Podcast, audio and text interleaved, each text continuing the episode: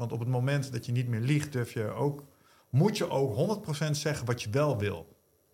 En zodra je dat gaat doen, wordt alles anders. Dus zodra je durft te zeggen wat het echt is wat je wil en wat je niet meer wil, dan is de, ligt de weg naar geluk ineens helemaal open. Mhm. Maar zonder al die sociaal wenselijke dingen die je eh, jezelf oplegt, waardoor je sommige dingen wel of niet kunt zeggen. Leuk dat je weer kijkt of luistert naar deze nieuwe aflevering van de podcast of Hoop. En vandaag hebben we in de studio Wigert Meerman en Michel Vos, beter bekend als de presentatoren van de podcast Eindbazen. We gaan het onder andere hebben over hoe je gelukkiger kunt worden door psychedelische ervaringen of door je leven te bekijken als een film. Podcast of Hope, moving towards happiness. Nou, leuk dat jullie er zijn. Ja, Dankjewel. we gaan een gesprek over geluk. Is dat een onderwerp wat jullie veel bezighoudt in het dagelijks leven? Jij mag eerst liever. Ja, ja hou maar wel veel bezig. Want eh, ik ben ook, eh, ik moet eerlijk zeggen dat ik eh, niet altijd gelukkig ben. En ik wel een neiging heb om geluk elders te zoeken, of in meer, of in beter. En af en toe heb ik van die periodes dat ik daar lekker in zit. Hm. Eh, ja, en dan, eh, ja, dan ben ik wel eens op zoek naar eh, waar ik nou eigenlijk echt gelukkig van word. Ja. Dus jij bent bezig met geluk als je niet gelukkig bent. Om gelukkig te worden. Ja, ik krijg dan zo'n neiging. Dan ga ik allemaal dingen proberen om dat geluk, geluk naar me toe te trekken of te forceren. Of, eh, En lukt dat? Eh, nou ja, er is natuurlijk een heel bekend mechanisme in Nederland en dat heet eh, harder werken om jezelf goed te voelen. Daar ben ik wel heel goed in. Ja. Hè? En, en het gekke is dat in onze cultuur word je er eigenlijk ook nog voor eh, aangemoedigd. Ja. Oh, harder werken, weet je wel. ja. Terwijl eh, ehm, dat natuurlijk maar een soort van extern ding is. Van als ik dan dat heb gehaald, dan ben ik gelukkig. Dus, Maar dat is wel iets wat werkt voor jou. Nee, het is een copingmechanisme. Oké, ja. ja. Dus Ja, dat wil wat ik ook werkt- zeggen. ja, werken om dan te kopen is ook een ding. Ja, ja, nou goed, maar dan gebeurt dat dus. En uiteindelijk kom je er dan dus achter dat dat, dat dus niet het geluk geeft. En dat het iets is wat je intern, hè, eh, tevredenheid of eh, wat minder willen of dat soort dingen. Ehm, de- ja, daar ben ik wel eh, eh, al heel mijn leven mee in gevecht. Ja, Ja, en, een goede manier. en jij? Mm. Nou, ik, ben vooral, ik probeer de laatste tijd vooral heel erg druk bezig te zijn met gelukkige zijn. Ja. Eh, dus ehm, te waarderen wat ik inmiddels op mijn naam heb weten te zetten. Eh, omdat ik eh, de grootste vijand van mijn eigen geluk is eh, me druk maken om dingen die ik nog niet heb. Mhm. Eh, terwijl ik tegelijkertijd wel heel erg geloof in nadenken over wat nog niet is en zorgen dat het er komt. Ehm, en, en dat is ook een stukje geluk najagen. Dus Ja. eh, dingen voor elkaar krijgen in het leven. Een podcast starten bijvoorbeeld, of een, eh, een boek schrijven, of een onderneming voor jezelf opzetten om dingen voor elkaar te krijgen. En ik geloof dat als je daar een bepaalde mate van voortvarendheid in hebt en daar lukken je dingen in, dan voel je je op een bepaalde manier. Mhm. Maar het is ook heel belangrijk om dan, als je bepaalde dingen voor elkaar hebt gekregen, dat je daar ook bij stilstaat en nou, daar gewoon even van kan genieten. En Ja. dan niet telkens maar weer, eh ja, rupsje nooit genoeg te zijn. Ja. Eh, omdat er- er zit een bepaald afkappunt waar, waarna geluk gewoon afneemt. Bijvoorbeeld, eh, ik noem maar iets. We hebben ook een podcast en dan hebben we een meneer, ik vergeet zijn naam altijd, eh, Ruud de geluksprofessor. Wat was, Mm, ah, was ja, ja, ja. Ja. Ja, die zegt gewoon na, na 60k eh, is er gewoon eh, geen eh, extra toename in eh, ervaren geluk meer. Als je Oh, mensen ja. vraagt op een schaal van 1 tot 10, hoe gelukkig ben je? Mhm. En ze zitten onder de 60.000 euro. Je geeft ze de 10.000 bij. Nou, dan krijgen ze plus één Gelukkig, gelukpunt. ja. En dan eh, nog één erbij voor de volgende 10. Maar op een gegeven moment is er een cut-off.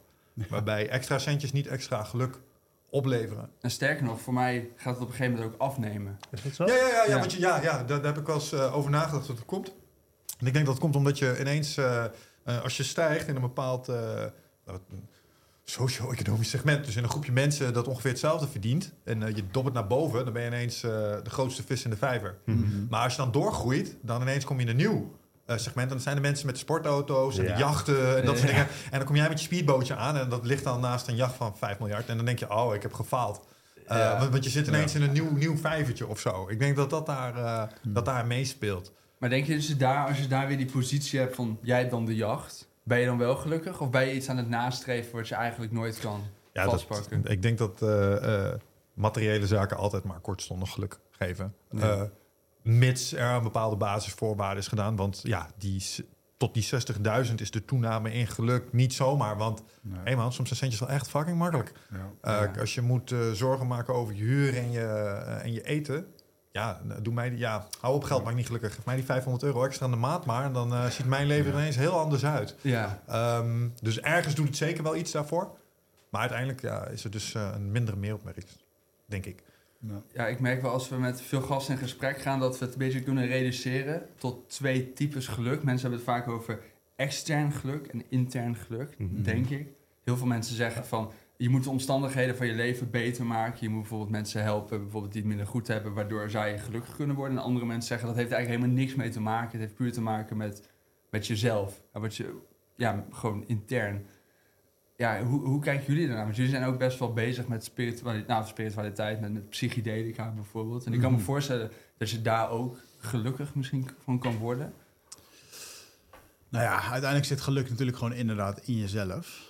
Ik geloof wel dat heel veel. Ik, ik geloof dat er ook heel veel mensen heel tevreden op een zo'n eh, miljardenjacht kunnen zitten. Mhm. Ik denk dat er ook heel veel mensen depressief op zo'n eh, op zo'n jacht zitten. Ja. Eh, maar goed, dat is niet anders dan de woonwijk hier, waar mensen ook achter de raam ja, ongelukkig of, of, of wel gelukkig content zijn. En tevredenheid is denk ik ook wel anders dan geluk. Ehm, tevredenheid is anders dan geluk. Ja, dat denk ik misschien ook. Kijk, geluk is natuurlijk ook een beetje. ehm, heel veel mensen hebben geluk. We hebben geluk dat we in dit land zijn geboren. Ja. Dat we in deze studio kunnen zitten. Ehm, er zijn zoveel eh, manieren waarin jij meer geluk hebt dan ik. Eh, eh, jouw moeder was alcoholist, mijn vader is overleden. Weet je, je, je hebt al van die mooie filmpjes op, op internet waar ze 500 mensen langs elkaar zetten. En allemaal een stap naar voren laten zetten als ze iets hebben, als ze doen dan, voldoen aan een bepaalde voorwaarden. Eh, van mishandeling tot en met dingen die ze hebben meegemaakt. En dan Mhm. zie je na een paar vragen, staat die zaal die staat kriskras door elkaar. Hè, en sommige mensen die hebben echt heel veel, heel veel pech gehad in hun leven. Dus ehm, ja, ik, ik geloof wel dat er... ehm, eh, als je daar nog tevredenheid in kan vinden... Ja, dan, dan ervaar je dus momenten van geluk. En ik denk dat het daarom gaat. Want die hypothese van altijd gelukkig... die werkt wel heel goed in internetmarketing... Eh, maar is niet, eh, ja, is niet, de werkelijkheid, nee. Ja, is het dan voor iedereen anders? Of denk je dat er wel een, een soort van formule is, een geluksformule waar iedereen aan kan voldoen? Nou, in relatie tot geluk is er wel iets waar ik aan moest denken toen je zei van intrinsiek geluk of extern geluk. En dan Hmm. met name in relatie tot anderen helpen. Ehm, het is wel zo. Misschien heb je wel eens gehoord van het Ikigai-model. Mhm. Ja. Ja, zie je vast wel eens voorbij gekomen als het gaat om levensgeluk. Wacht, Ikigai, was, dat is wat, hoe je je kamer bouwt? Of is Nee. dat iets anders? Nee. Dat is, eh, Dat is feng dat is feng shui, inderdaad. Ja. Oh, oké. ja. Oh, spijt me hoor. No worries. Ehm, nee, Ikigai is, een, eh, ehm, is het element wat eh, sommige mensen in Aziatische gebieden heel oud laat worden. Dus eh, je hebt zogenaamde blue zones in de wereld. Ja, daar, ja. En, dat doen ze, en daar worden mensen bovengemiddeld oud. En in sommige uh, Azië- Japanse gebieden met name eh, wordt dat dan gewijd aan twee dingen. Namelijk eh, eet tot je voor 80% vol zit, dus no overeating. En de tweede is eh, een ikigai hebben. En een ikigai is je reden van zijn. Ehm, Oh, ja. en dat ja. is vaak een combinatie tussen vier dingetjes. Iets waar je Hmm. echt heel goed in bent. eh, iets waar je centjes mee kunt verdienen. Mhm. Iets wat je heel erg tof vindt. Mhm. En iets wat anderen helpt. Dus als jij iets kan doen wat ook een toegevoegde waarde heeft voor anderen, dan zul jij een soort eh, eh, waarde daaraan ontlenen voor jezelf die je en heel gelukkig maakt. En daardoor kun je ook ja, langer blijven leven, basically. Want, Ja. want heel veel mensen, dat ken je vast wel, die gaan met pensioen. En dan is de meme dat ze kort daarop dood neervallen. Want ja, het doel is een klein beetje weggevallen uit het leven. Dus zorg dat je iets van een doel hebt wat anderen ook dient. En dan zal je dat een soort eh, gevoel van voldaanheid brengen. Ja. Maar jouw doel is dus niet je werk. Want het moet eigenlijk, je Ikigai gaat door wanneer je met pensioen, eh, wanneer je met pensioen bent. Ja, of je ikigai verandert Ja. Ja. op dat punt. Dus Als je- ook nu al kun je een ikigai hebben. Op deze Op leeftijd mijn die je nu leeftijd hebt, ja, kun je ja. ook al een ikigai hebben. Zeker, ja. Ja, want ik heb wel eens een video gezien van, van die mensen uit Okinawa inderdaad. Die zeggen dan ook, mijn ikigai nu is puntje, puntje, puntje. Dat is Mhm. denk ik geïmpliceerd dat het ooit anders is geweest. Ja. Oké, nou dan is het een beetje een inkoppertje, maar wat is jullie Ikigai dan? Ja, ehm, nou, nu op dit moment is dat voor mij. ehm, toevallig van de week heb ik hier nog eens een keertje diep over na zitten denken. Want je merkt dat door de. ehm, dat alles wat de buitenwereld van je eist, dat je nog wel eens van je ikigai of van je pad kan afwijken. Weet je, Mhm. er komen heel veel verleidingen. Zonder dat je het door hebt, bedoel je? Ja, Nou, soms dat je nou, en soms, soms, Ja. soms is het onbewust, soms kies je er bewust voor. Maar het is wel goed om af en toe weer eens even terug op dat pad te komen. En eh, voor mij, de Ikigai, is toch wel eh, de wijsheid eh, uit het bos verspreiden. En daarbij doe ik op de, de lessen die ik opdoe bij, bij de inheemse stammen waar ik naartoe Mm. ga. Mhm. Ehm, En dat voelt heel puur, dat voelt heel goed. En dat wil ik nog de rest van mijn leven doen. Op allerlei verschillende manieren. Ehm, maar als ik dan even reflecteer van... Hey, hoe is dat afgelopen half jaar gegaan? Hmm, had ik meer mee kunnen doen. Toch weer een hoop afleiding gehad, een hoop dingen. En eh, ja, dus dat voor mij. Maar het heeft je wel aanzienlijk veranderd. Ja, zeker. Ja, tuurlijk. Ja. En op welke manier je leert daar lessen die je meeneemt in je leven? Of... Ja, nou ja, voor de context. Ik blijf dan een paar weken daar en doe heel veel met plantmedicijnen. En eh, het is echt afgezonderd van de wereld. Ehm, dus eh, we hadden het straks over ChatGPT, ChatGPT maar dat, dat heb je daar Dat nog niet, zeg maar. En eh, je hebt daar niet eens internet. Dus eh, stromend water is al fijn. En ja, gewoon leven, overleven, leven met elkaar, leven in de stam. Ehm, en inderdaad, inwaarts eh, kunnen gaan kijken. Ehm, en ik denk dat ik ook wel toen ik daarheen ging, eh, als we het hebben over geluk, ook wel op zoek was naar geluk. Ehm, en uiteindelijk is dat ook de titel van mijn boek geworden, Op zoek naar antwoorden. Ja. En dat krijg je door je eh, lange tijd eh, jezelf even af te zonderen ergens. Ehm, niet al die impulsen te hebben. En ehm, ja, eventjes opnieuw te kijken naar wie je bent, wat je wil. ja, dat vraagstuk van eh, wa- wat is geluk, hoe word ik gelukkig, wat ons, bijvoorbeeld in Nederland tegenwoordig echt een ding is. Is dat daar, zijn dat in die stam een ding? Zijn mensen daar bezig met gelukkig worden? Of? Nou, het grappige is dat het is natuurlijk een, een onderdeel van spiritualiteit. waar wij vaak op een later moment eh, naar op zoek gaan. Omdat we ergens vinden dat we, ja, we komen iets tekort of we missen wat. Maar zij groeien op met die spiritualiteit. Ja, Dus als dat er gewoon is, dan is er veel meer tevredenheid en het is goed zo. En, en de connectie met de natuur. En ze hebben dus geen telefoon waar ze op zitten te kijken, waar ze Michel in een helikopter van New York naar, eh, weet je, dat soort dingen. En dat, dat hebben zij allemaal niet die input. ja, En Dus als je in dat bos leeft, dan, dan weet je gewoon wat daar een soort van maximaal kader voor jou zelf is. En, en ik zie daar nu ook wel de eerste scheurtjes in komen, omdat ja, gasten zoals ik daar natuurlijk ook komen. ja. Ik kom daar ook met mijn telefoon en ja, dan zie je toch gewoon dat het impact heeft. Dus Ja, want ik ben één keer in Amerika geweest en toen had je die Amerikaan, eh, Amer- eh, die Indianenstammen, die zaten langs de weg en die Ja. zaten allemaal dingen te verkopen aan toeristen. ja, En, en ik dacht zo van, oh, dit is niet het beeld wat ik heb bij, Nee. bij, Nee. bij die Nee. bevolking van, oh, we moeten spullen verkopen aan toeristen. nee. maar ja, dan heb je natuurlijk ook wel een van de ergste ehm, Uiterste. gezien. uiterste gezien Ja. van hoe je een bevolking ja, eigenlijk kapot kan maken en vervolgens weer een soort plekje in de maatschappij probeert te geven. Waar ik heen ga, zijn ze nog zoals 200 jaar geleden ook waren. En waar is dat? In de Amazone, op de grens Oh ja. van Peru en Brazilië. Oké. En ehm, ja, dat, eh daar is een, handje, handje, hand, een handjevol eh blanke mensen gekomen. Ja. En dat maakt het heel uniek. Ja. En daar heb jij je boek over geschreven. Ja. Ja. En bepaalde wijsheden die je daar hebt opgedaan. Kun je die, eh, als ik het boek lees, kan ik daar wat van leren? Of moet je er echt zijn geweest om... eh, Nee, zeker nee. Nou, daarom heb ik het juist opgeschreven. Hè, om, eh, om gewoon de wereld te laten zien. Eigenlijk is de, de kern van, van het boek is... wat is het om een puur mens te zijn? Want dat is wat ik daar zag. Met die opdracht heb ik ook... die opdracht heb ik ook gekregen om het boek zo te schrijven. En ja, dan kom je toch in één keer in waar het daadwerkelijk echt om gaat. Ehm, hè, hoe dat je met andere mensen omgaat, hoe dat je naar jezelf kijkt. Ja.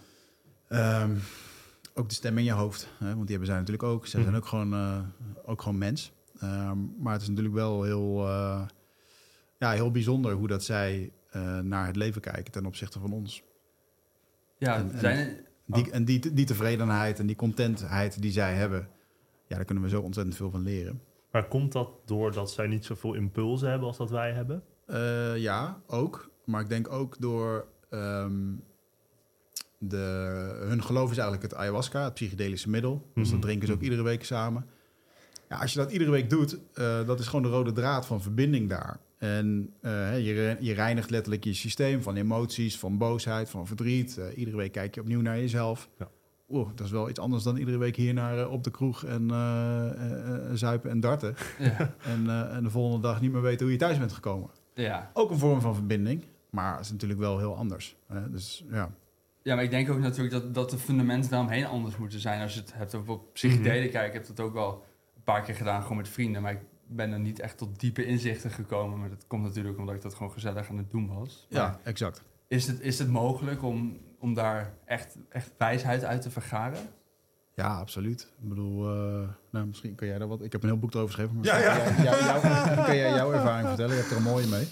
Nou ja, ik, ik heb niet eh, de liters eh, ayahuasca gedaan die Wigert heeft gedaan. Maar de, de, de twee keer dat ik het heb gedaan... zijn denk ik de meest impactvolle dingen binnen mijn leven geweest. Mhm. Eh, en het moment... Ik weet wanneer ik het weer ga doen. En dat is de dag dat ik te horen krijg hoe lang ik nog te leven heb. Want, want dan sta ik oog oog met het grote examen. Ja. En dan wil ik daar nog even een keer naar terug. Maar tot die tijd ligt mijn bordje nog vol met wat ik daar heb meegekregen. Maar het heeft bijvoorbeeld... ja, je refereerde er straks al aan. Als het gaat om inzichten... Eh, het heeft mij iets geleerd over eh, bijvoorbeeld mijn moeder. Ik heb een alcoholistische moeder gehad. Dat is best wel een trauma in mijn leven geweest. En dat zorgde er de streep gewoon voor dat ik kerstmis maar kloten vond. Want dat waren momenten waarop we met de familie bij elkaar waren. En dan was ze soms bezopen. Had ze het eten laten aanbranden. Ronduit gênant gedrag. Eh, dus dat, dat zat een bepaalde vervelende lading op. En ik wil het eigenlijk helemaal niet over mijn moeders alcoholisme hebben. Maar dat medicijn, als je dat drinkt...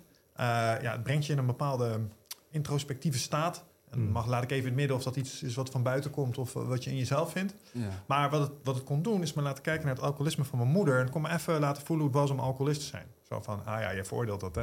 Weet je hoe het is om alcoholist te zijn? Let op, dit zoet voelt. Wow, zucht, zucht. Ik wil zuipen, zuipen, zuipen. zuipen. Dat, non-stop. Oh. En toen kon ik het voelen, toen was het, oh, wacht even. Oh, dit was waar je, oh mijn god. Oh, ik heb dit veroordeeld. Dit had ik zelf ook niet gewonnen. En dan ineens, dan, ja, toen, dan is het alsof er iets losgaat.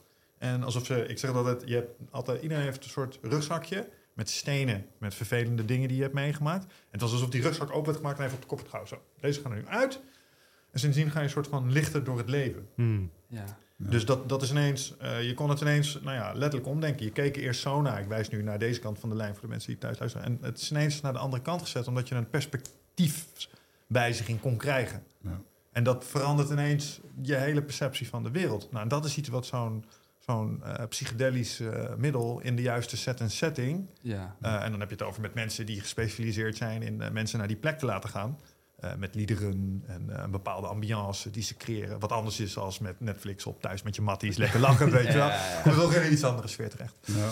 Ehm, dus, dus dat is wat het heel erg kan doen. Ja, zeker. Ja, want dit klinkt wel veel ingrijpender dan ik dacht. Ja. Ik, ik- als ik aan, aan die dingen dacht, nou, je tript gewoon een beetje, je ziet wat dingetjes en je gaat een beetje nadenken en dan kom je tot conclusies. Maar jij krijgt echt een soort van dialoog met, Ja. een, met een soort van schaduwkant van jezelf. Ja, ja Mm. het, het- ik vergelijk het altijd een beetje met eh, een eh, slimmere versie van ikzelf, die het allemaal al snapt. Die een soort van terugkijkt van, oh ja, je, ja, je wilt hier niet over, ik snap het wel. Maar het is zo redelijk en het kent je zo goed. En ehm, ja, dat maakt dingen gewoon... Ken je dat spelletje eh, van vroeger nog? Dat je dingen in een bepaald vormpje door een dingetje heen moest Ja. duwen? Ja. Ja. Het weet gewoon precies hoe het bij jou naar binnen moet in dat opzicht. Hoe complex de vormpjes ook zijn. Ja, zegt, oh, je, ja, maar dit is jouw probleem. Je denkt nu zo en Ja, dan heb je ja, dat, die ja, deconclusie. ja. En daarom klopt het niet. Dus we gaan je nu even laten zien hoe het echt zit. En dan eens ontwart die hele weerwaar zich. En kan je er gewoon eh, in zijn volle glorie naar kijken. En dan snap je het. En dan kun je erin berusten. En sindsdien vind ik kerstmis weer tof, by the way. Ja. Dat is gezelligheid, toch? Ja. Maar is, eh, denken jullie dat psychedelica nodig is om tot dit soort introspectieve wijsheden te komen? Ja, Soms Nou. denk ik wel, het zou echt wel goed zijn als iedereen gewoon verplicht één keer Oh, als een soort rite of passage, mits je aan bepaalde gezondheidsvoorwaarden voldoet, eh, dat zou doen eh, onder begeleiding van mensen die weten wat ze aan het doen zijn. In plaats van inderdaad eh, experimenterend in Amsterdam tijdens een vrijgezellenfeest, ik noem maar iets. Ja, ja, ja. Als een recept voor ellende. Ja. Maar dit klinkt wel echt heel heftig. Alsof een- je moet er wel klaar voor zijn. Maar ik kan me voorstellen dat je er ook aan ten onder Ja. kan gaan als je geconfronteerd wordt met zoveel waarheden die je eigenlijk niet aan kan. Daarom zijn er mensen bij. Ja. Nou, plus is er ook wel een ding dat je... Ja, je hebt het nu over het sterkste psychedelische middel ter wereld. En, eh, dus ja, inderdaad. Van 0 naar 100. Laten, we dit, laten we dit vooral niet overal doen en in ieder bejaardenhuis eh, serveren. Ehm, maar, eh, en, en dus inderdaad, het moet je roepen, het moet je trekken. En ehm, ik vergelijk het altijd maar een beetje zo. Als je vijf van jouw vrienden hebt en je geeft ze allemaal tien bier... dan worden ze allemaal ehm, op dezelfde manier dronken. Dat ze altijd dronken worden... Maar allemaal op hun eigen unieke manier. Heb je Ja. altijd, hè, degene die begint eh, alleen maar te lullen en te kletsen. De andere die wordt bloedgeil, de andere die gaat rondjes lopen. Dat gedrag, dat komt altijd terug. En dat heeft ermee te maken dat jouw brein op een bepaalde manier reageert Ja. op een stof die erin komt. En zo is dat ook met, eh, met allerlei eh, drugs en psychedelische zaken. Dus ik kan me ook heel goed voorstellen dat heel veel mensen niet gewired zijn om, om hier lekker op te gaan. Of, ja, en dan heb je nog een hele variëteit aan verschillende psychedelica die er zijn. Eh, dus kan je het op een andere manier eh, krijgen? Ja, zeker. Ik bedoel, eh, je kan ook gewoon drie dagen in de rente op de hei een hutje opzoeken in, in stilte. En ehm, ja, er zijn heel veel manieren. Ja. Ja, want we hebben het wel soms met gasten over bepaalde spirituele ervaringen van verlichtheid bijvoorbeeld. En als we Hmm. dan bijvoorbeeld op, op het onderwerp drugs komen, dan zeggen zij vaak het is een, het is een surrogaat of het is een shortcut, maar het is niet de real deal. Bijvoorbeeld Pim van Lommel, die kwam praten over nabij doodervaringen. En het, het klonk een beetje als hoe mensen DMT omschrijven. Ik heb dat zelf nooit gedaan, maar Ja. toen hadden we het over. Hij zei van ja, nee, dat komt niet zo dichtbij als, als dit. Ik bedoel, het, kan, het komt een beetje in de buurt, maar het is niet dit. Ja. Maar zoals jij het omschrijft, klinkt het echt als een, een diepe spirituele Ja. ervaring. Oh ja, Maar- dit was nog maar een fractie van wat je kan tegenkomen daar. Maar ik, ik denk, Ja. de ervaringsdeskundige uit de Further Ik, ik, eh, ik vind Pim, Pim van Lommel een, eh, een heerlijke man. Ja. Hij heeft heel veel wijsheid en dingen, eh, maar hij heeft het zelf nog nooit gedaan. Hmm. Dat is, ja. Dus ehm, Ja. kijk, ik heb in mijn allereerste ayahuasca-ceremonie heb ik ook eh, acht uur lang een gesprek gehad met mijn overleden vader. En daar viel echt een blok beton van mij af over al dat gedoe waarom ik altijd zo aan het rennen was en succes wilde behalen. En uiteindelijk was het alleen maar omdat ik dat schouderklopje van hem miste. Dat heb ik tot mijn dertigste niet in de gaten gehad. Hmm. Hè, en dat is echt een van de meest impactvolle ehm, gebeurtenissen voor mijzelf. of het nu waar is of niet, of een hallucinatie of niet. Want er zijn ook heel veel mensen die nu denken... ja, Wigert, je hebt gewoon drugs genomen... en dit lag ergens bij jou onderbewuste en dat komt dan naar boven. Hey, prima als je dat zo denkt. Eh, ik zelf denk dat er een wereld is die we niet altijd... dat we niet alles kunnen waarnemen. Mhm. hè, want we zijn maar beperkt met onze zintuigen. Ehm, dus ja, kijk, er zijn natuurlijk eh, heel veel verhalen van mensen die dit echt hun leven heeft veranderd. Op de manier zoals ik het doe en naar die stammen toe gaan. is ook weer een tandje extremer. Doet ook niet iedereen. Ja. En net zoals Michel, die dit twee keer heeft gedaan en die nu nog genoeg heeft na, na vijf, wanneer is het, vijf, zes jaar geleden ja, of zo. ja. Ehm, ja, perfect. Als het zo'n impact kan hebben voor je. En dat je daarna nooit meer aanraakt. Ik, ik zou eigenlijk heel mooi vinden als heel veel mensen dat een keer zo zou kunnen ervaren. Ja. Was je al spiritueel voordat je met die indianenstam in aanraking kwam? Nee, want echt, ehm, als je, voor mij, als je het niet kon aanraken, dan bestond het niet. Ja, ja. ik echt- was ook echt, heel eh, erg ja. atheïstisch. En hij Ja. was er de eerste over die eh, in onze vriendschap daar ooit eens een keer over begon. Over Joe Rogan en DMT en die pijnappelklier en dat soort dingen. Oh, ja. En ik dacht echt, ja, DMT roken, junkies, weet je wel. Ik- eh, terwijl ik eigenlijk niet eens wist wat het was. Ehm, totdat ik een keertje een, eh, een podcast hoorde van Joe waar hij, waar hij het over had met iemand. En die beschreef dat. Gewoon nuchtere gast. En toen dacht ik, ja, ik moet het ook proberen. Eh, dus ik heb dat gewoon geprobeerd. En dat was voor mij echt een soort van ontwaking van, oké... eh, al, als ik dit nu allemaal zo heb ervaren ja, wat is hier dan van waar of niet waar? Of de, voor mij is dat wel echt de start geweest voor. nou, in, echt bewust op zoek naar spiritualiteit. Ja. hebben we spirituele lessen eerder gehad? Ja, 100 procent. ja, we hebben alle twee veel vechtsport gedaan, veel wedstrijden gedaan.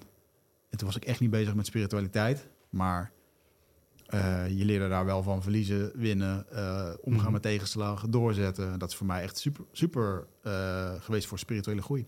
ja, want Achteraf. we, vroegen jullie ook in de mail van wat zijn onderwerpen waar als het om geluk gaat we het over moeten hebben. En voor mij zei jij toen eh, krachttraining, zaakjes krachttraining. En je zei ook bij life-changing momenten je eerste keer Brazilian Jiu-Jitsu. Ja. Hmm. En bijvoorbeeld de vorige podcast toen vroeg eh, de gast aan ons waar wij gelukkig van werden. Ja. Toen- jij zei ook Jiu-Jitsu. Ja, klopt. Ik vraag me af, zijn er, wa- wat is het aan sport en, en kracht waar, waar je geluk uit kan halen? Mm, Als Of- het, of zie ik het om de-? Nee, nee, ja, 100%. Nou, één sowieso ehm, ge- biochemisch.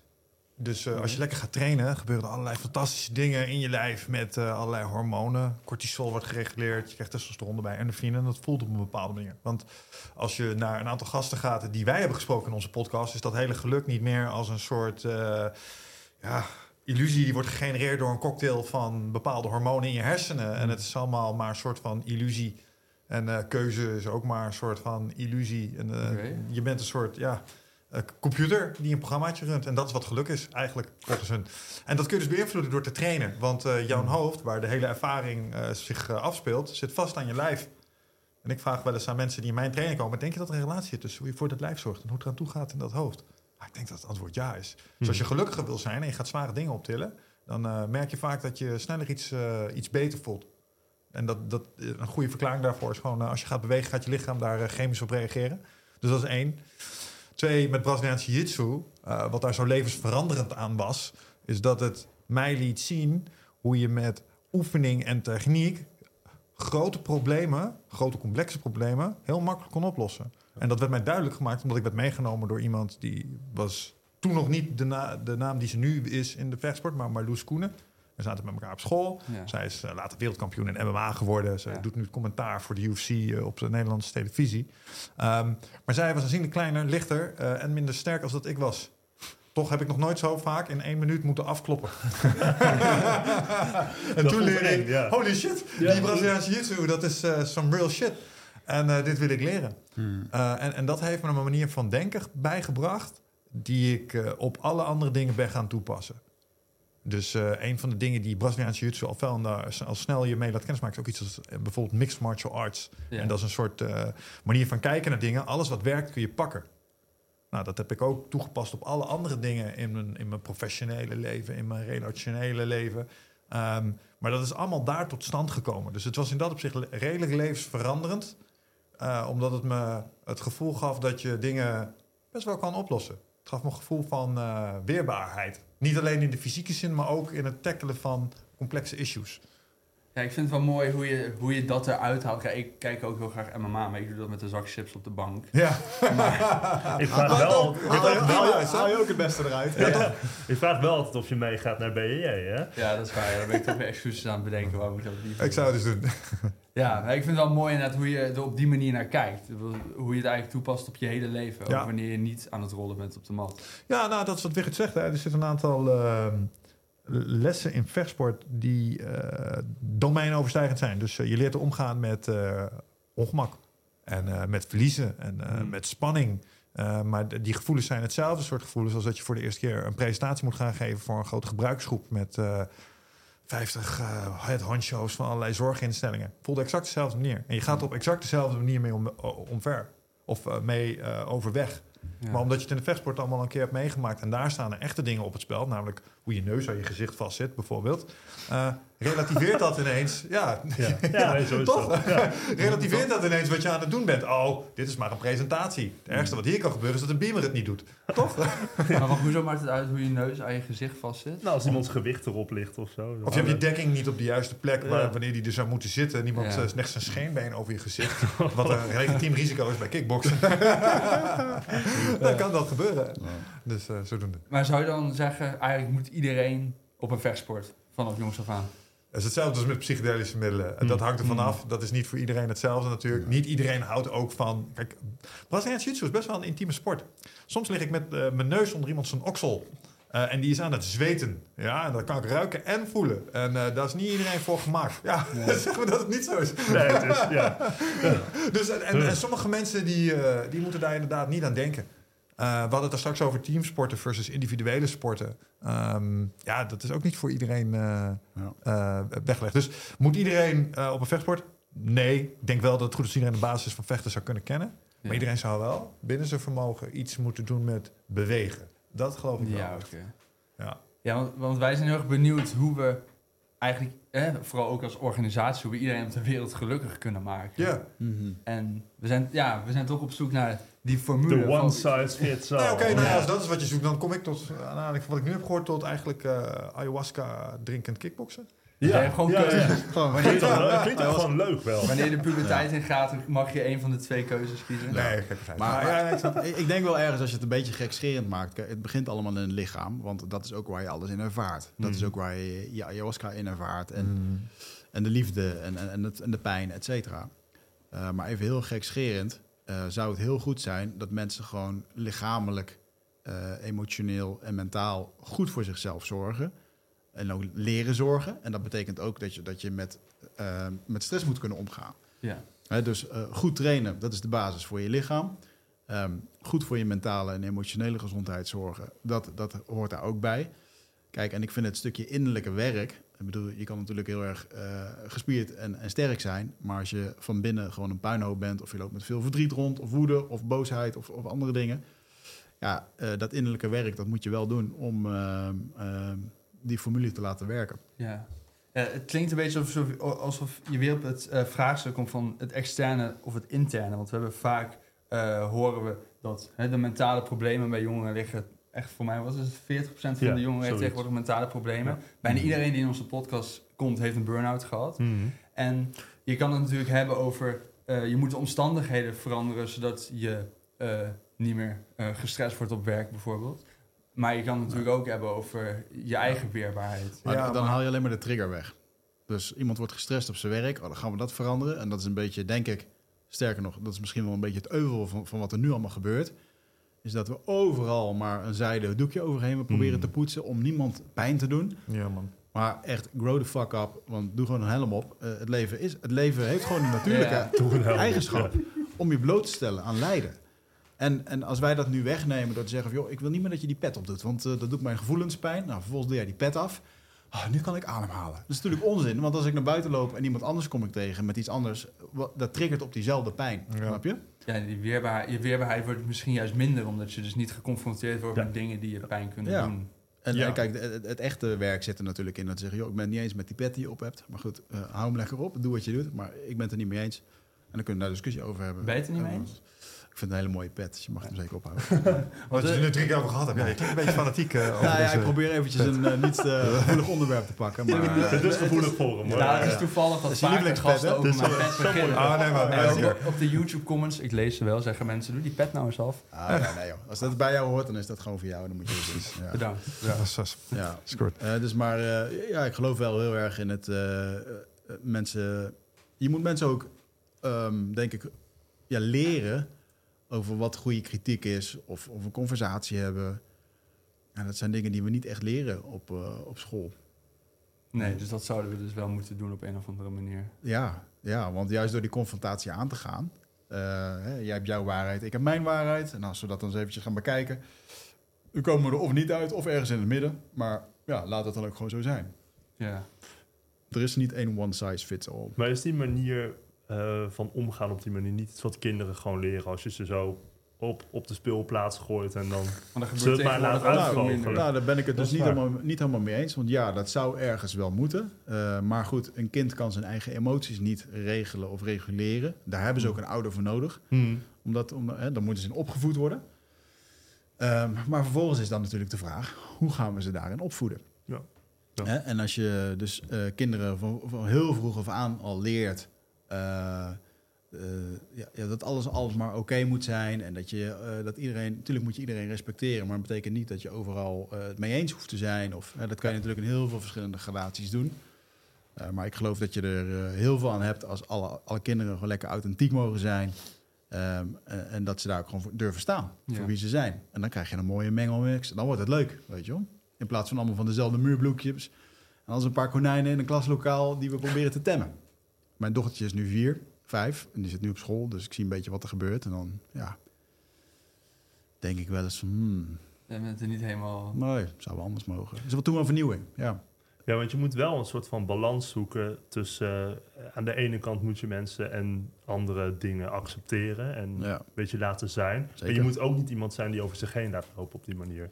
Dus dat is een beetje balans zoeken tussen die twee dingen. Ja, dat, de- dat denk ik ook, ja. Eh, Wat ik wel grappig vond is, als een van jouw life-changing momenten gaf jij op het afsferen van liegen. Mhm. Dat je nooit meer zou liegen. Mhm. Is, Ja. Zijn het, het houden aan bepaalde morele maximen belangrijk voor een gelukkig leven? Ja, ik denk het wel. Vooral liegen is een hele belangrijke. Ja. Eh, we hadden het daar straks over, eh, wat is je geluksobject? Ik had mij niet bij me, maar het is eh, mijn geluksmunt. Mhm. En eh, daar staan mijn vier geluksinstructies op. En die geef ik aan deelnemers bij mijn trainingen. Maar het zijn de vier overeenkomsten van Don Miguel Ruiz. En eh, dat is een fantastisch boek wat iedereen kan aanbevelen om te lezen. En het zijn eigenlijk vier afspraken die je met jezelf maakt om een soort, ja, ze noemen dat een verlicht krijger. Hmm. Maar voor mij betekent het gewoon, eh, dingen gaan beter als je dit doet. ja. En de eerste is, eh, en dat is het belangrijkste, en dat is niet meer liegen. Dat is eigenlijk onberispelijk zijn op je woord. En dat betekent dat je dingen zegt wat je doet. Je doet wat je zegt. Als je het niet doet, zeg je het ook. Je liegt niet en je houdt geen waarheden achter. En ik denk dat als iedereen dit vanaf Mm. vandaag tot morgen 100% zou uitvoeren... dat een shitload aan relaties en banen morgen gesneuveld zijn. Ja, Gewoon klaar zijn. ja. Omdat eh, dat kan eigenlijk bijna niet. Nee. Niet zonder dingen eerst stuk te maken. Maar ik heb dus een leven lang geleefd met leugens. Ik was bijvoorbeeld in bijna elke relatie ben ik overspeler geweest. Dus Mm. ik ging vreemd. Ik ben niet monogaam gebouwd. Dan ben ik op een gegeven moment eh, dan merkte ik dat dat dat holt je uit. En ook op andere momenten, als ik onwaarheden heb gebruikt. Ik heb ook bijvoorbeeld in, in mijn vorige carrière wel eens momenten dat we nou, een beetje in het grijze gebied van eh, de wet en regelgeving zaten. Soms weet je wel, soms moest je dingen zeggen waarvan je denkt, nou, ben ik nou echt je bent een beetje aan het spindokteren hier. En dat voelt een beetje viezig. Weet je, ik heb behoefte aan een soort spirituele douche of zo. Ja. Uh, ik wil dit niet, want dit voelt heel uh, oninteger. En uh, nou ja, met, met vreemdgaan is dat natuurlijk helemaal super duidelijk. Ja. Um, en op een gegeven moment, uh, mede ingegeven door uh, ayahuasca. Kijk, een van de dingen die het me daar verteld heeft, is van: luister man, je bent handig met je woord, maar je gebruikt het echt helemaal verkeerd. Je gebruikt je, je, je, je gifts niet zoals ze bedoeld zijn. Dus uh, let daarop. Dat was een heel duidelijk. Het was niet eens. Dacht, oh, let daarop. En dat, ik weet niet waarom, maar dat heeft heel veel indruk op me gemaakt. En toen heb ik oké. Okay. En dat viel samen met de periode dat Mr. Peterson ook uh, net een beetje up en coming was. En die, die had het daar ook echt heel erg veel Jordan over. Ja, het was een Ja. hele mooie. Ja. Was een hele mooie synchroniciteit. Dat ik dacht, oké, het komt nu wel uit uh, twee Ja. hoeken ineens. Ja. Je moet je iets mee, man. Zeker. Ja, en sindsdien ben ik dat gaan doen. En uh, is alles anders. Want op het moment dat je niet meer liegt, durf je ook, moet je ook 100% zeggen wat je wel wil. En zodra je dat gaat doen, wordt alles anders. Dus zodra je durft te zeggen wat het echt is wat je wil en wat je niet meer wil, dan is de, ligt de weg naar geluk ineens helemaal open. Mhm. Maar zonder al die sociaal wenselijke dingen die je uh, jezelf oplegt, waardoor je sommige dingen wel of niet kunt zeggen. Ja, ja ik, vind het heel, ik vind het heel interessant. Ik, uh, ik, ik zie het inderdaad ook wel dat, dat, dat als je gewoon altijd eerlijk bent, dat er een bepaalde last van je schouders is die je niet altijd bij hoeft te dragen. Zeker. Een beetje misschien waarom uh, biechten in de kerk altijd zo. Ik, ik was Ja. dit, dit weekend was ik bij uh, IJmuiden, slot IJmuiden. Ja. En daar hebben ze een ridderzaal. En er waren er drie geboden om bij de ridderorde te horen. De eerste was, ik zal altijd moedig zijn. De tweede, ik spreek altijd de waarheid. Ja, En de derde, ik kom altijd terug naar het slot. Die drie dingen. Ik vond het fucking bruut. Ja. Gewoon, uh, Ja, dat en, is uh, dus dat vanaf, vanaf, vanaf 1400 al zo uh, prediken dat waarheid belangrijk is. Ja. Overigens, de Dat andere drie regels, mocht je het interessant vinden, zijn uh, neem niks persoonlijk, doe geen aannames en doe altijd je uiterste best. Dus als je die vier dingen toe weet te passen op alles wat je doet, Ja. dan worden dingen beter. 100%. Doe je niet altijd aannames? Gewoon standaard? Ja, nee, natuurlijk. Maar uh, wat ze ermee bedoelen te zeggen is, uh, vaak als je um, dingen persoonlijk neemt bijvoorbeeld, uh, dan kan dat zijn omdat je aannames doet over bijvoorbeeld wat iemand denkt, zegt of ergens van vindt. Ja, ja, ja. Terwijl je dat niet verifieert. Soms kan je iemand voorbij zien lopen. Ja. Dan kan ik denken, oh, die vindt vast uh, X, Y, Z. Helemaal niet met je bezig. Gewoon net iets gezien op het nieuws en dacht, oh, dat is vervelend. En toen zat jij in je wereldje en toen interpreteerde je dat op een bepaalde manier. Dus dat je vervolgens drie uur boos op je kamertje te zijn. En het was er helemaal niks aan de hand. Ja, een hele De- onnodige aanname. De- dat is een ja. voorbeeld van aannames. Maar een aanname is ook uh, bijvoorbeeld... Ah, die demo-omgeving waar ik morgen een presentatie mee moet geven bij de klant... zal wel gevuld zijn met testdata, toch? Toch? Ja, natuurlijk. En dan kom je de volgende dag daar en dan sta je daar met een... Oh nee, hij deed het toch niet. En dan ben je een pipo. Soms is het belangrijk om te checken of dingen gewoon gefixt zijn, ja of nee. Hmm. Ja. Ja, dus uh, d- doe je de, je due diligence. Dus uh, wees nijver in het controleren of dingen Ja. kloppen. Valt daar ook onder. Maar zou je ze nog één keer willen halen? De? Ja, ja, ja. Wees onberispelijk met je woord. ja. Neem niks persoonlijk. En daar valt onder niet wat uh, valt feedback uh, op meerdere manieren. Dus uh, als iemand tegen jou zegt: Hey Mies, ik vind dat je veel te snel praat en uh, je doet altijd zo druk. Oké okay, man, dankjewel. Dat is wat Wigert zei. Hmm. Dat is meer het werk van die persoon. Dat ze daar iets vinden. Als iemand iets vindt van jouw pet, dan is het aan die persoon om daar iets mee te doen. Het is niet aan jou om de pet af te zetten. Oké, maar feedback is dus niet dat... Moet je niet persoonlijk nemen. Oké, okay, maar ik mag wel mee doen. Ik kan wel bijvoorbeeld... Tuurlijk, tuurlijk, tuurlijk, tuurlijk, tuurlijk. Maar uh, een andere vorm is van feedback is als iets, als iets bijvoorbeeld gruwelijk goed gaat of gruwelijk slecht gaat. Bijvoorbeeld, ik heb een boek uitgebracht, bestseller. Kijk man, ik ben bestseller auteur. Nee, nee, je, je hebt een boek geschreven. Ja. Ik heb een boek geschreven, het is geflopt. Ah, ik ben, ik ben een failure. Nee, nee, je hebt gewoon een boek geschreven, het volgende boek wordt beter. Zie je het verschil? Ja. Want bij die anderen, ah, ik ben gefaald, ik heb het niet gelukt, het is altijd hetzelfde. Mij. Nou, ben je het persoonlijk aan het nemen en er zitten 25 aannames in zo'n beetje. Ja. Ja. Doe dat niet. Want dan wordt alles makkelijker. ja, en bij het een gaat het ook om resultaat en bij het ander om het schrijven van een boek. En wat, wat je ermee doet, want ja, inderdaad, als het niet goed verkoopt, is dat ook een vorm van Ja. feedback. Ja, En natuurlijk mag je Ja, wel balen van dingen, begrijp me niet verkeerd, maar het wrijft verder niet op, af op wie je bent. Eh, en het zegt al helemaal niks over wat je daarna kunt doen. Dus dat. Uh, dus geen aannames en doe altijd je uiterste best, want Ja. al het andere kan worden vergeven als je dat doet. Dus zelfs die eerste drie mag je infalen als je die laatste maar deed. En uh, Ja, ja. iedereen kent dit, want iedereen heeft wel eens een voorbeeld gezien van iemand die iets probeerde, maar hopeloos faalde. Maar wel echt zijn uiterste best deed. En dan stond je naar te kijken en dacht je, ah, gek. Volgende keer beter, toch? Ja, maar dan is het maar dan is, het, dan is het niet erg. Ja. Maar je hebt ook wel eens iemand zien falen waarvan je wist, die heeft hem met de pet nagegooid. En iedereen die ooit in een studiegroepje iemand zijn naam niet op een werkstuk heeft gezet omdat hij er niet bij was, weet nu waar ik het over heb. Ja? En toen je die pipo's propenduizen niet zag halen, dacht je, ja, dat zal je leren. Toch? ja. Ja, maar dat is wat het is. Het is wel grappig hoe simpel die tips zijn. Terwijl ik denk eigenlijk iedereen die dit luistert ziet in. Ik denk als je aan die maxime houdt, je- leven in ieder geval een stuk. Dat is een goud boek, man. Dat is zo'n klein boekje. Het is Ja. wel dun, maar het is echt Hoe heet- hoe heet eh, het de vier inzichten. Van Don. Don Miguel Ruiz. Is dat eh, oude wijsheid of is dat iets Tolteekse shamanistische wijsheid. Hm. Oké, Tolteek is een oude Meso-Amerikaanse stam. Zij zijn, ik geloof, Mexicaans. En ik heb eh, zijn zoon kunnen interviewen voor eh, eh, Mhm. over dit boek. Dus eh, ze hebben nog een, eh, een ander boek geschreven en dat heet Het Vijfde Inzicht. Ja. Dus, Oké. Nou, er is denk- nog een inzicht. Ja. Ja, ja, er is, ja, er is nog een inzicht. Eh, en het, dat vijfde inzicht is luister maar, wees kritisch. Dat is echt super grappig, want ik dacht altijd dat het was wees, eh, heb onberispelijke zelfliefde. Dus wees altijd ongenadig in je, in je zelfliefde voor jezelf. Dus kies altijd voor wat goed is Ja. voor jezelf. Want soms zitten mensen in situaties Hm. en dan gaan ze met eh cijferen ze zichzelf te veel weg. Of eh, dan moeten ze gaan trainen en dat weten ze, maar dat doen ze niet. Maar als je echt, echt, echt zelfliefde hebt, dan ga je wel. Was helemaal niet de vijfde regel. Maar hij vond hem wel goed genoeg om hem als een soort eh, zijn vijf en een halve regel zeg maar, eraan toe te voegen. Ja. Hey, wij hebben nu zo'n 130, wat is het, 130, 135 afleveringen Ja, iets in gehad. die richting. Ja. Waar we altijd met onze gasten in gesprek gingen over geluk. Mm. Nou, jullie zijn natuurlijk bekend voor jullie podcast, de Eindbaas. Hoeveel afleveringen hebben jullie nu gedaan? Zo'n 200, nee, bijna 300 of zo? 280 plus bijna. Ja, we naderen de 300 en de 300 doen we met een rode cape en onze sixpacks. Dat doen we. Dat doen we. Gaaf. Dat gaan we doen. Ja, ja, ja. Kijk, daar kijk ik niet naar En uit. een speer. En dat doen wij dan Moeten we- ook. moeten we nog wel even- 300 Ja, ja, afleveringen. precies, dat gaan wij Ja, ook wij doen. gaan dat ook doen. nu. Dan moeten we die zak, chi- moeten we die zak chips met de MMA-wedstrijden wel laten staan. Dat is waar. En gaan trainen, verdorie.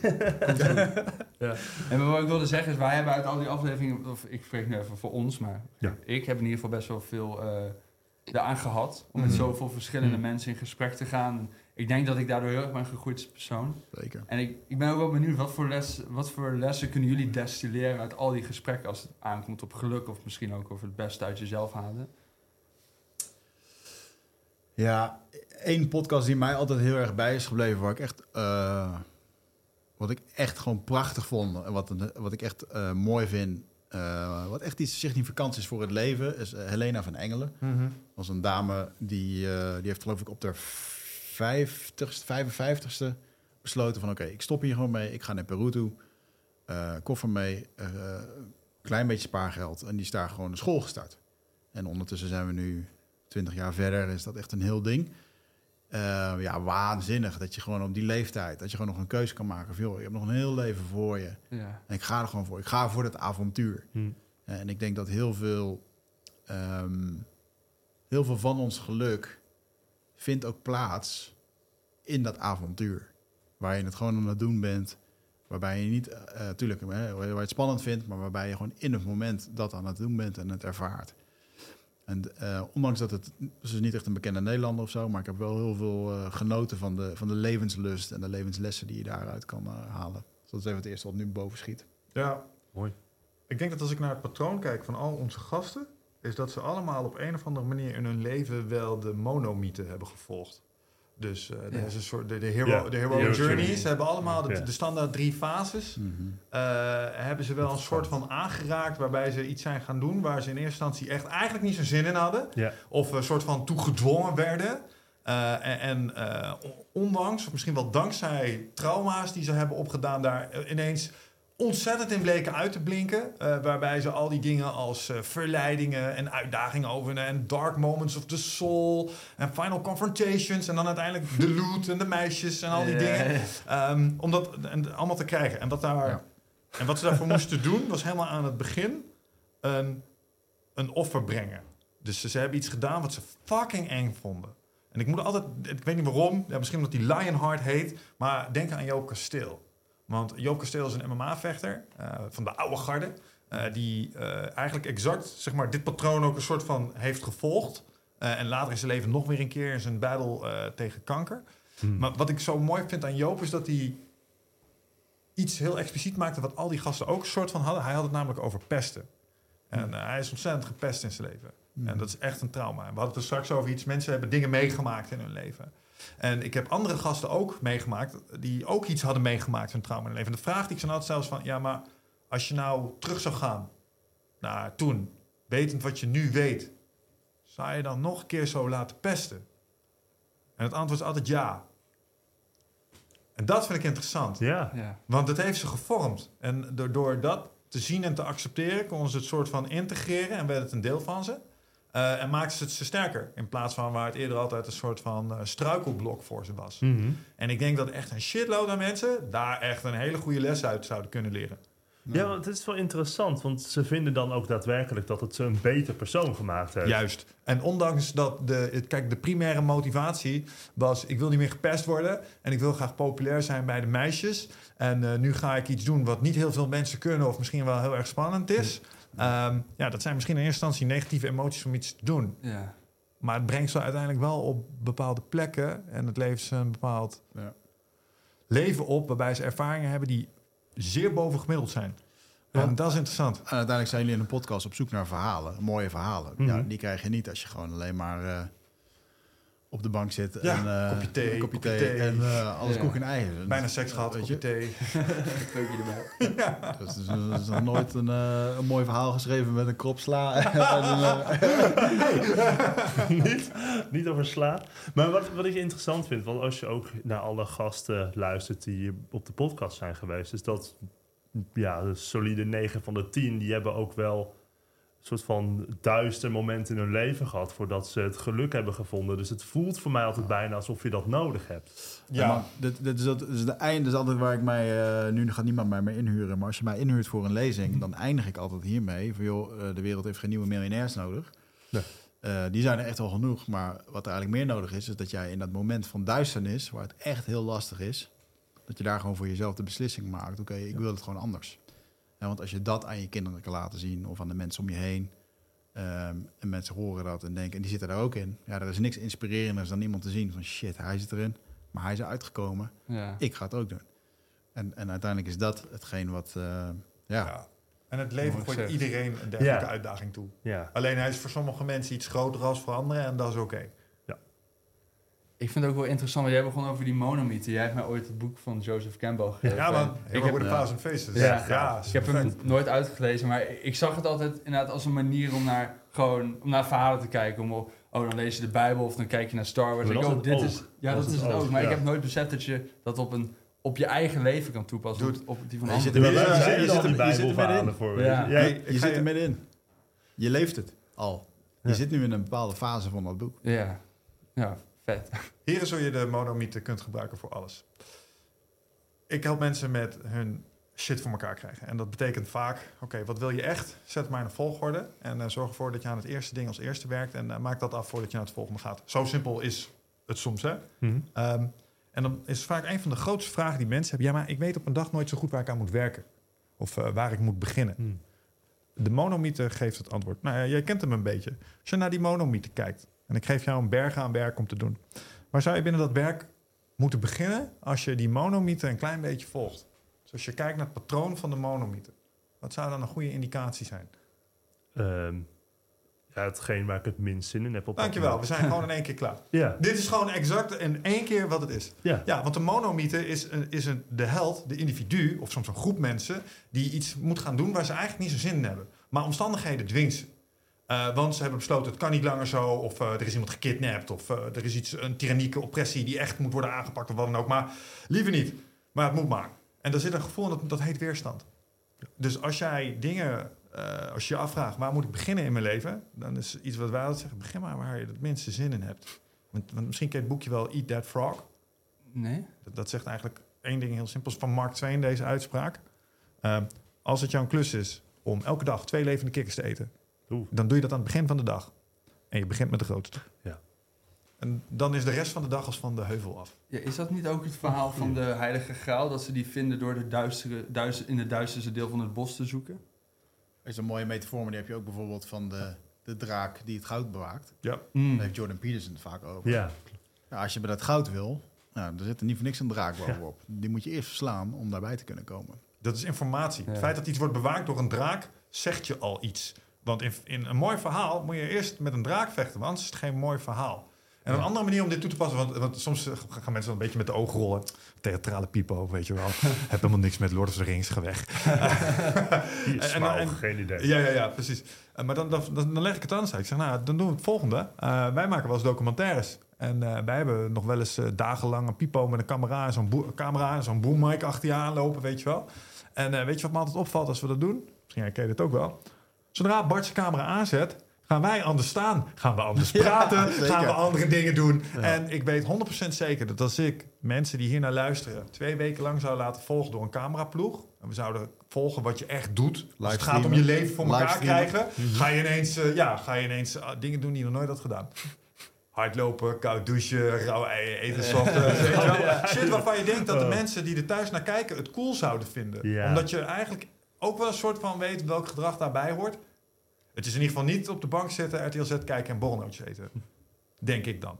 Dus dat is een alternatief uh, gedachte. Ik vind het heel inspirerend hoe je dat zegt, inderdaad. Het is eigenlijk- je moet gewoon leven alsof er altijd een camera, alsof je in een documentaire Alsof, je- zit. alsof je in een goede film Ja, zit. ja, Ja, film. Ja, eigen maar dan vind ik het wel belangrijk om daarbij te zeggen dat een hele belangrijke fase in de, eh in de monomythe ook de terugkeer naar huis is. Ja. Dus het is niet alleen maar knokken. eh, het is ook op een gegeven moment overwinnen, vieren, rusten, Ja. op je lauren rusten en genieten van de loot die je hebt meegenomen. Want het is altijd het is zelden niet lucratief voor helden. Hè?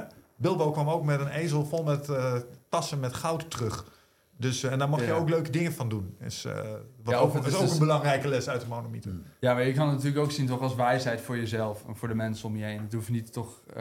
ja, nee, logisch. Nee, is nou, nee, nee is wat, je zegt, wat je zegt klopt. Hè? Dus een monomythe wordt vaak ingezet om vier redenen. Eén van de vier redenen. Dus de ene is rijkdom, gewoon goud. De andere is liefde. Weer een ander is de oplossing voor een probleem of kennis. Of een combinatie van die vier. Ja. Dat is waarom Ja. avonturen over het algemeen worden aangegaan. Ja. Dus de oplossing kan ook zijn eh, bijvoorbeeld de redding voor een bepaald volk. Of eh, Ja, het, eh, het omverwerpen van een tyrannieke oppressie of eh, wat dan ook. nou, ik denk dat ik dat boek weer even uit de kast ga. Ja, ja, ja. ja, ja. ik, ik was helemaal vergeten. maar dit Misschien een beetje erbij lezen en dan ben je helemaal Ja, ja, ja. klaar. Wat manager, ja. Ja, nou, we zijn een beetje aan het eind gekomen van de aflevering. We zijn eigenlijk al best wel ver, oh, er staat al afronden. we zijn er best wel ver overheen. Maar we hebben het over jouw voorwerp gehad. Jij hebt je boek meegenomen. Maar we hebben het eigenlijk al erover gehad. Is er nog... Ja, nee, ja. ik moest een voorwerp moet. meenemen. Ik wilde eigenlijk mijn toy meenemen die op, dan op, de, op de voorkant van het eh, boek staat. Maar goed, ik was natuurlijk de toy vergeten in de Dat haast. staat ook gewoon eraan. En, ja. eh, en eh, daar ook inderdaad. Ja. Oh, nee, gaaf, ja, dus eh, ja, dit is gewoon wat het is, jongens. Ik ga gewoon graag naar de Amazone toe. Isha. Ik, eh, ik heb vorig jaar 70 hectare gekocht eh, om terug te schenken aan hun. Oh, wauw. En dat is eigenlijk ook wel een beetje een rare wereld natuurlijk. Hè? Dat, we, dat, dat een of andere blanke dude regenwoud moet kopen... en dat vervolgens weer terug moet schenken aan de mensen die er eigenlijk al 4000 jaar wonen. Eh, maar goed, zegt. dat is nu even het systeem eh, zoals dat het eh, werkt op dit moment. En dan, ja, dan doen we dat op die manier. Ja, je kan het ook eh, zo zien. Het is toch fijn dat er een blanke dude is die, eh, die dat wil doen. Zeker. Ja, 100%. Zeker, ja. Trouwens, die man in het midden, dat is wel nog een van de meest grappige momentjes die ik ooit heb meegemaakt met de Eindbazen podcast. Dat Dat is dat is Isha en die zat bij ons in de studio in vol ornaat. En er staat een filmpje op mijn Instagram, want die, die man die hield naast de ayahuasca ook wel van een jointje. Zit ik een jointje voor hem te rollen. Staat hij met een kopje koffie in volle kooi. Staat hij zo achter me zo te kijken, zo gaat dat goed, weet is je heel, wel. is heel klaar. Ja, just another day at the office. Isha, ja, mooi vent. Ja. Mannen, dank jullie wel. ja, heel erg bedankt dat jullie langs zijn gekomen. Ja, tof jongens. Jongens. Yes. Bedankt voor het kijken of luisteren naar deze aflevering van de Podcast of Hope. We hopen dat je ervan hebt genoten of misschien zelfs geïnspireerd bent geraakt. Om de zondag komt er om 10 uur een nieuwe aflevering online op Spotify, YouTube en al je andere favoriete podcastkanalen. Ook kun je ons vinden op www.podcastofhope.nl. Tot ziens en veel geluk. De wereld waarin we leven biedt nog geen gelijke kansen. Voldoende eten en drinken. Een adequate opleiding. Goede gezondheidszorg. Vrede en geluk is niet voor iedereen weggelegd. Maar stap voor stap wordt het beter en zijn we op weg naar een octopische samenleving waarin iedereen zijn of haar leven als goed kan beschouwen. Het is een lange reis, maar we zijn op weg. Podcast of Hope. Moving towards happiness.